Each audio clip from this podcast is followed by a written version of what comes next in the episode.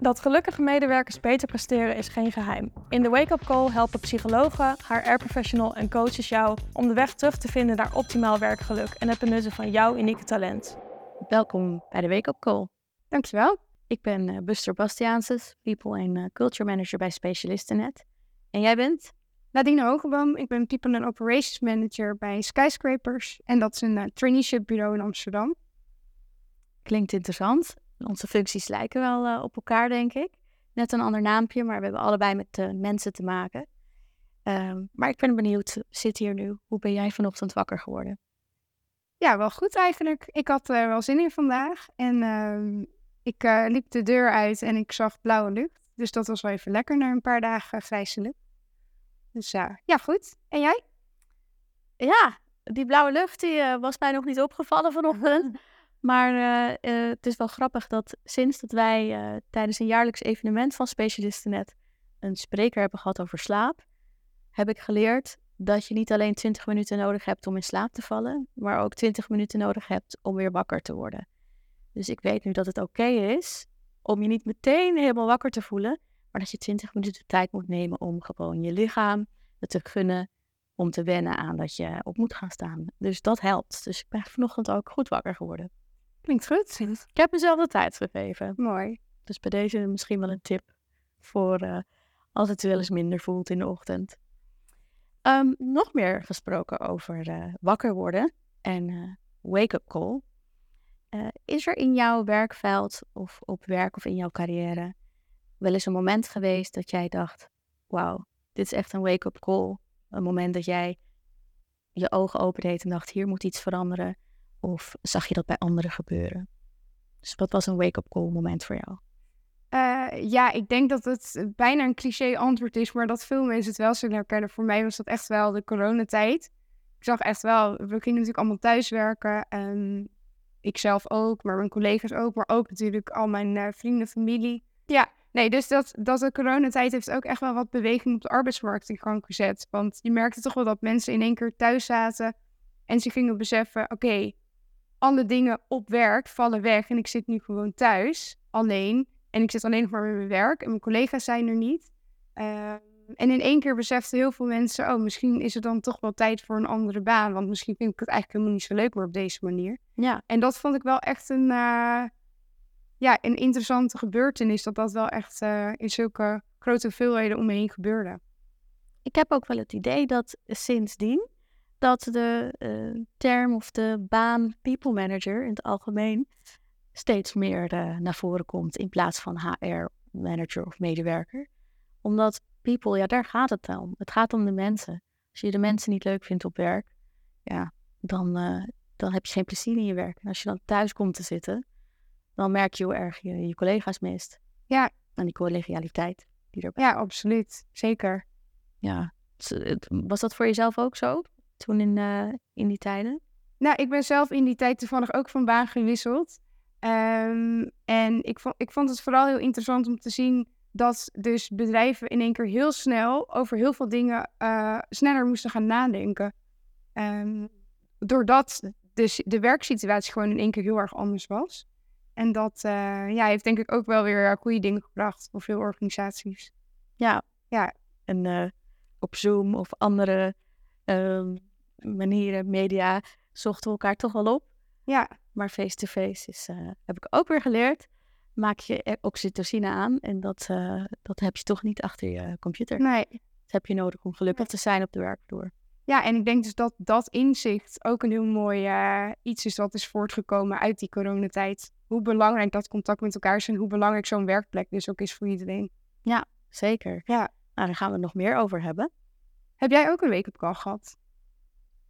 Ja, zeker. Weer van een heel ander kaliber. Namelijk toen um, ik uh, moeder werd. Dus toen ik uh, zwanger uh, was. en dat ook zichtbaar was voor al mijn collega's. Toen kreeg ik heel veel de vraag van, en hoe ga je dat straks doen? en mijn man werkte voor dezelfde organisatie, in dezelfde functie notabene. dus iedereen kende hem ook, maar hij heeft geen één keer die vraag gehad. En ik wel. En uh, met alle hormonen die er toen ook in mijn lijf rondgierden, antwoordde ik met: uh, Heb je dat ook aan mijn man gevraagd? en de, toen was het wel een moment van: Hé, hey, Ik werk voor een heel inclusief bedrijf. Um, maar toch zit het blijkbaar in ons allemaal, of het nou mannen of vrouwen zijn, om toch te vragen aan de vrouw van hoe ga je dat straks doen als je kinderen krijgt. Dus toen dacht ik, nou, dat is voor mij nog wel een missie als people manager om, uh, om daar iets mee te doen. Om toch, ook al denken we dat we allemaal heel inclusief uh, en divers bezig zijn, ja, het zit, in ons allemaal zitten toch onbewuste vooroordelen. Ja, en wat zou je dan willen aanpakken? Wat ik aan zou willen pakken op dit gebied, dit is maar een voorbeeld, dat we het gesprek aangaan en ook eventueel iets van trainingen kunnen voorzien in het bewust maken van onbewuste voordelen die je kan hebben. Of uh, al is het een, ja, ik zou dat wel heel leuk vinden om dat ook hier als onderdeel van het uh, beleidsplan, het HR-beleidsplan, um, ja, erin te uh, ontwerpen of in te zetten dat het vast onderdeel is. Al heb je dat één keer per jaar of één keer in het half jaar, dat je een interactieve training hebt, waarbij je ook dit soort stellingen aankaart. Of eigenlijk, wat wij nu ook doen, dit soort stellingen aan je collega ja. uh, uh, voorlegt en dan een discussie uh, openbreekt. Dus dat je in plaats van dat je allemaal achter je computer zit elke dag, toch ook genoeg momenten hebt waarbij je samen bent, in discussie kan gaan, onderwerpen kan bespreken. Als onderdeel van een, van een teamdag of zoiets. Ja. Maar dat is een voorbeeld hoe je het zou kunnen aanpakken. Maar ja, daarover moet gecommuniceerd worden. Ja, mooi. Want we hebben het, uh, die tijd dat we allemaal thuis zaten. voor sommige mensen was het ook wel weer prettig. En je ziet dat best wel veel bedrijven nu moeite hebben om collega's weer terug te krijgen naar de werkvloer. Hoe, zie, hoe kijk jij daar tegenaan? Wat, wat, wat zou jij de ideale balans vinden tussen thuiswerken en uh, collega's zien? Ja, ik herken dit heel erg. Ik zie dat bij heel veel bedrijven ook om me heen gebeuren, inderdaad. En wat ik zelf merk is dat uh, onze uh, trainees in dit geval um, het heel prettig vinden, juist om ook vaak naar kantoor te gaan. Heeft er in ons geval mee te maken dat het vaak ook een doelgroep is die nog op een kamertje of in een klein appartementje in de binnenstad van Amsterdam woont. Um, dus voor die groep waarin vaak juist verwacht werd, dat zijn de mensen die thuis willen werken, zie ik juist dat zij veel ook naar kantoor gaan. Ja. Maar dat juist de balans heel erg wordt gewaardeerd. Omdat die sociale contacten ook wel uh, uh, natuurlijk ook weer heel veel opleveren die mensen op kantoor hebben. Um, maar goed, dan is dus wel de uitdaging om iedereen bijvoorbeeld op vaste momenten naar kantoor te krijgen. Want dan is het ook leuk voor mensen en heeft het ook toegevoegde waarde om op die dag naar kantoor te gaan. Ja. Als dat natuurlijk heel erg verspreid over de week is, dan is die toegevoegde waarde van het op kantoor zijn en je collega's zien is er niet, als je collega's er die dag niet zijn. Ja. Wat hebben jullie een systeem waar je kan zien wie er op kantoor is of niet, wie er thuis werkt? Nou, wij hebben zelf nu op kantoor daar afspraken over gemaakt. Um, zodat iedereen ook wel echt weet, oké, okay, op die dag en op die dag zijn er veel mensen op kantoor. Um, en op die dagen wat minder, maar als je dan op kantoor wil werken, kan het wel. Ja. Maar als je die dag thuis werkt, is het ook goed. Dus die collegialiteit kan je opzoeken. Ja, precies. Ja, het is een beetje jammer als je dan net denkt, nou, ik heb even behoefte aan mensen om me heen en iedereen werkt thuis die dag. Ja, precies. Ja. Dus zo uh, hebben we daar een kleine, uh, ja, toch wel een klein beetje structuur naar gebracht. Ja, verstandig. Oké, okay, dan ga ik beginnen met de stelling voor jou. Het creëren van een gezonde organisatiecultuur is een gedeelde verantwoordelijkheid van zowel het management als de medewerkers. Ja, daar ben ik het wel mee eens. Um, vooral omdat ja, een cultuur is natuurlijk iets van iedereen. En het moet ook een plek zijn waar iedereen zich, thuis in voelt en iedereen zich onderdeel van voelt. Um, dus je kan wel vanuit het management zeggen: Oké, we zijn vanaf morgen zo'n soort organisatie. Ja, dat, dat werkt natuurlijk niet. Want je wil wel dat het op alle lagen van de organisatie gevoeld wordt, maar ook uitgedragen wordt. Um, nu geloof ik er wel in dat het vanuit het management een bepaalde richting of een bepaalde koers bepaald kan worden. Um, en het management daarin ook een bepaalde voorbeeldrol, of in ieder geval dat gedrag of die waarde zelf ook uitdraagt. Ja. Want als jij natuurlijk zegt, we willen zo'n zo'n soort organisatie zijn, maar je doet het vervolgens zelf niet, ja, dan is de kans wel heel klein dat alle andere mensen in de organisatie dat wel zo gaan, gaan uitdragen. wel, dat, dat, dat kan in kleine dingen zitten. Ja, absoluut. Ehm, als je zegt, nou, ik vind het belangrijk dat we flexibel omgaan met uh, werkplek of werktijden. Ehm, maar je geeft zelf als voorbeeld, als leidinggevende, altijd als laatste weg te gaan en als eerste er te zijn. En uh, je, je work-life balance, zeg maar, niet in balans te hebben. Ja, dan voelen andere mensen zich ook niet op hun gemak om dan flexibel met die werktijden om te gaan. En dan kan het voor die manager misschien zo zijn van ja, nou ja, ik ben als manager toch nog even langer bezig.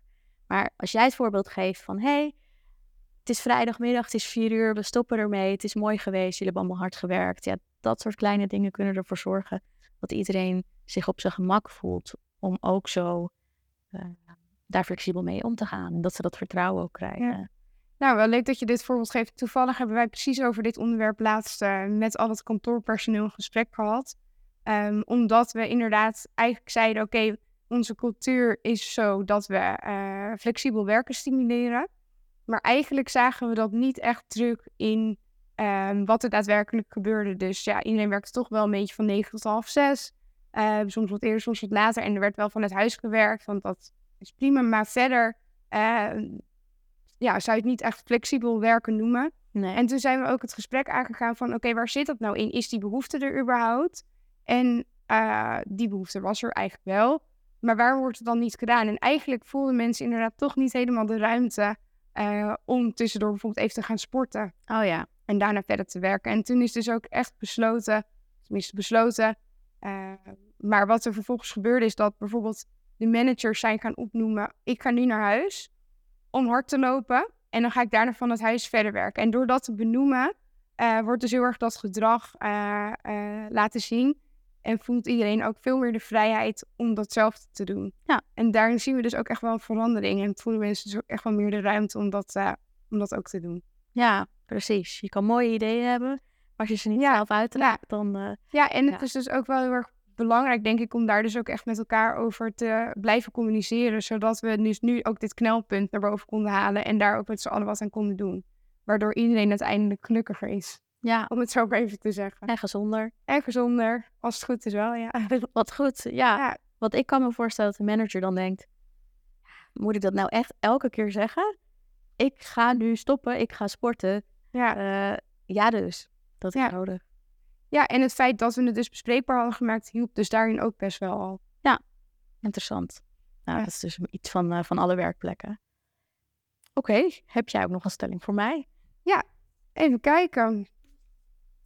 Een organisatiecultuur kan nooit alle generaties op de werkvloer van werkgeluk voorzien. Klopt. Maar je kan wel je best doen om daar zo dicht mogelijk bij in de buurt te komen. Eh, het is echt een vak apart. Hier zijn gewoon hele studies voor. Tussen generatieverschillen. En ook dan specifiek op eh, verschillende branches of voor HR, hoe ermee om te gaan. Ook in werving en selectie. Iedereen doet dat op zijn eigen manier. Maar eh, ik ben van oorsprong iets heel anders dan wat ik nu doe, industrieel ontwerper. En daar heb ik geleerd in het ontwerpproces dat je, als je een product ontwerpt, dat die voor zoveel mogelijk mensen moet zijn. Dus eh, als je om je heen kijkt, bijvoorbeeld een lichtknop, de plek van de lichtknop zit daar zodat zoveel mogelijk mensen erbij kunnen. Een lang iemand, die kan altijd even door zijn knieën gaan om op die knop te drukken. Maar een heel klein iemand kan niet, ja, eh, kan springen, maar meer dan dat eh, kan er dan niet bij. Dus als je die lichtknop wat lager doet, kunnen zowel lange als kleine mensen bij die lichtknop. En zo zie ik het ook voor de generatieverschillen. Je hebt met allerlei generaties te maken. Je hebt met allerlei achtergronden, culturen, ehm, eh, leeftijden. eh, gewoon de verschillende mensen te maken. Ik denk wel dat je je bedrijf, bedrijfscultuur zo kan inrichten dat zoveel mogelijk generaties erbij kunnen. Dus er wat mee kunnen of zich comfort- comfortabel erbij voelen. En het is belangrijk om eh, het verschil te erkennen. Er is verschil, dus dat is onderdeel van het eh, diversiteit- en inclusiviteitsbeleid, wat elk bedrijf zou moeten hebben, lijkt me. En ook dit is weer een kwestie van opleiden, eh, training geven, gesprek aangaan. En ik denk dat het begint bij werving en selectie. Dus wanneer je iemand aanneemt, dat je ook in het panel van mensen met wie je het interview hebt, dat je daar een divers team van maakt. Dus dat je in dat team, interviewteam, een, uh, een man en een vrouw neerzet. Of iemand die er al lang werkt en nog niet zo lang werkt. Of twee verschillende afdelingen. Want op die manier draag je al, al uit aan degene die voor je zit.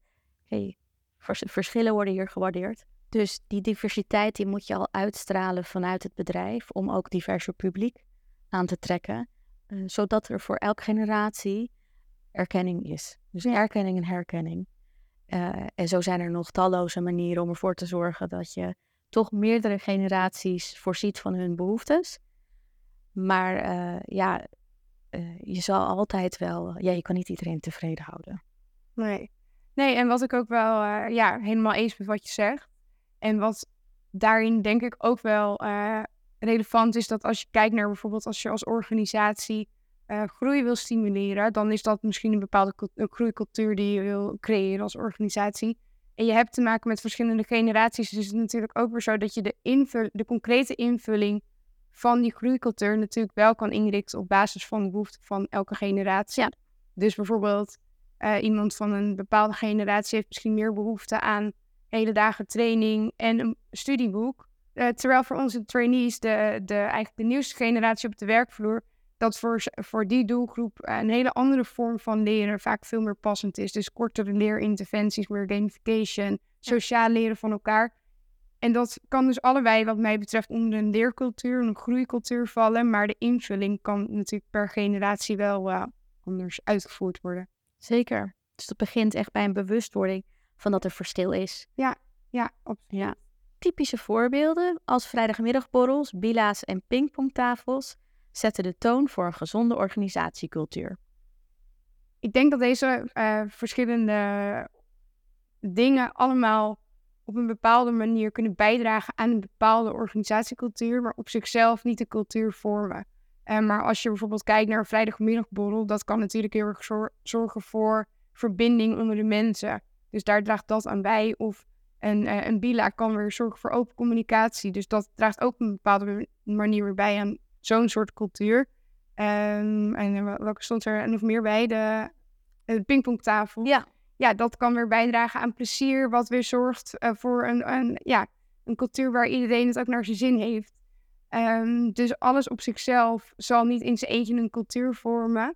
Maar um, verschillende onderdelen bij elkaar kunnen natuurlijk wel bijdragen aan een bepaalde uh, organisatiecultuur, wat mij betreft. Ja, maar ik denk dan wel weer dat hetzelfde geldt, wat jij ook zei met dat sporten. Dat mensen wel de vrijheid moeten voelen van, oh, het is oké om even tussendoor een potje te pingpongen. Of het, is, uh, het is ook werken of investeren in het bedrijf als je een bila houdt. Ja. Of uh, aanwezig bent bij een borrel. dus dat is nog steeds iets wat vanuit organisatie zelf wel aangemoedigd moet worden, lijkt me. Ja, ja het is, kijk, als er een, een pingpongtafel staat en inderdaad niemand voelt de vrij, vrijheid om er gebruik van te maken, dan doet hij ook niet zoveel. Nee. Dus dat is zeker wel iets om ook daarin niet alleen op zichzelf te laten staan, maar wel ook uh, ja, te kijken wat doet het. En doet het iets of niets. En eh, ja, als het niet gebruikt wordt, dan is er misschien een reden. En laten we dan daar met elkaar over hebben. Want daar zit dan misschien iets achter wat wat zegt over de cultuur die er heerst in de organisatie. Exact. Ja, lijkt me interessant om te onderzoeken wanneer er een pingpongtafel staat en niemand hem gebruikt. Ja, dat zegt denk ik heel veel over de cultuur die er heerst. Ja. Nou, ik heb wel zin in een potje pingpong. Oké, nog een stelling voor jou dan. Um, het realiseren van een gezonde organisatiecultuur die past bij de organisatie en haar mensen is het hoofdpijndossier van de HR-manager ben benieuwd hoe jij dit ziet. jij moet er ook meteen al om lachen. Uh, dat kan zo zijn. Dat kan zo zijn, ja. En dit heeft denk ik voor ons allemaal wel eens een keertje zo gevoeld. Maar het is ook een kwestie van accepteren dat je nooit iedereen tevreden kan uh, krijgen of houden. Ik vergelijk het altijd met, ik weet niet of je het klassieke spelletje kent, waarbij Ehm, ja, het is zo'n arcade game waarbij je moet slaan op van die mollen zijn het geloof ik, die elke keer uit een ander gat komen. En, elke, en je hebt hem ook digitaal. Maar elke keer als je er eentje hebt weggeslagen, popt er weer een ander omhoog. Ja. En zo heb ik wel eens uitgelegd aan, aan mijn leidinggevende ooit van... Ik blijf bezig met die mollen wegslaan en er popt er altijd wel weer eentje omhoog. Ja. En dat is zo. Maar als je weet als dat, dat dat gewoon een gegeven is, kun je er bij neerleggen van oké, ik krijg nooit iedereen tevreden. Net zoals dat, eh, dat met de politiek ook zo werkt in een land. Maar we kunnen er wel voor zorgen dat een zo groot mogelijke groep in ieder geval tevreden is. Dat we rekening houden uh, met kleinere groepen en dat er groei is. Dus Ja. het is wel erg belangrijk om te meten of alles wat je bedenkt voor verbetering in het bedrijf en, een- en cultuur, of dat vooruit gaat. Of medewerkers hoger scoren geven op eh, medewerkerstevredenheidsonderzoek. Ja. Of dat er minder uitval is in, eh, in- dat er dus mi- eh, eh, ziekteverzuimcijfers eh, omlaag gaan. Ja. Dus ik denk dat het een kwestie is van accepteren en omarmen. Dan hoeft het geen hoofdpijndossier te worden. En successen vieren wanneer blijkt dat een idee of een verandering in het beleid toch werkt, doordat het verbetert. Ja. En perfect hoeft het nooit te zijn, want dat gaat gewoon niet. En jij? Eh, ja, ik denk, kijk, wat jij zegt, het is natuurlijk afhankelijk van de situatie. ehm, maar het, ho- het hoeft geen hoofdpijndossier te zijn. Eh, maar ik kan me wel voorstellen als je echt er alleen voor staat voor je Ja. gevoel, omdat niemand meegaat in, in, in dat iedereen helemaal uiteen ligt eh, in, in wat hij belangrijk vindt binnen de organisatie, dan is de uitdaging wel heel erg groot.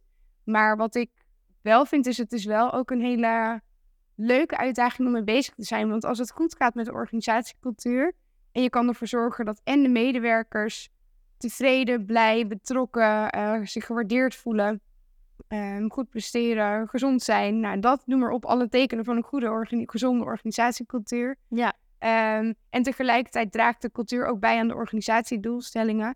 Dan is het natuurlijk super dankbaar en heel erg leuk om daarmee bezig te zijn. Ja, ben ik helemaal met je eens. Ja, En als we dan eh, elkaar af en toe op kunnen zoeken wanneer het even niet gaat zoals we willen. En je hebt dus je uitlaatklep. Ja, dan eh, overleven we het als eh, people managers ook wel weer. ja zeker. Nou, dankjewel. Jij ook bedankt. Nou, dan zijn we alweer aan het einde van het gesprek volgens mij. Maar ik ben nog wel benieuwd wat jij zou willen meegeven aan, aan je collega's eigenlijk. Ja, ehm, nou, waar ik wel heel benieuwd naar ben. eh, en daar zou ik wel de hulp dus van een, eh, van een deskundige voor nodig hebben. Is wat zijn nou echt de do's en don'ts ehm, om te zeggen of om te doen? Do's en don'ts. bij, eh, bij voor een medewerker als je signalen opvangt van dat iemand overspannen is en wellicht uit gaat vallen. Wat doe je dan? Wat kan je vanuit de organisatie doen voor je medewerker om ervoor te zorgen dat die de juiste ondersteuning krijgt? Ik ben heel benieuwd of er, of er eh, ook tussen zitten waar wij nog niet van op de hoogte zijn. En misschien hebben we die fouten wel eens al gemaakt. Dus eh, ik ben benieuwd naar, eh, naar die, die aflevering. Nadine, ik wil je bedanken voor je tijd. En het was hartstikke leuk om elkaar beter te leren kennen en over dit onderwerp te praten. Dus dank je wel daarvoor. Dank je wel voor je aanwezigheid. Nou, jij ook bedankt. Ik vond het een leuk gesprek en eh, nou, veel succes met alles. Ja, dankjewel. Jij ook. Dankjewel. Vond je dit een leuke aflevering? Abonneer je op ons YouTube-kanaal of op Spotify, de Wake Up Call podcast. Lees je liever? Check dan even onze blog op de website voor tips voor de HR-professional en werknemer.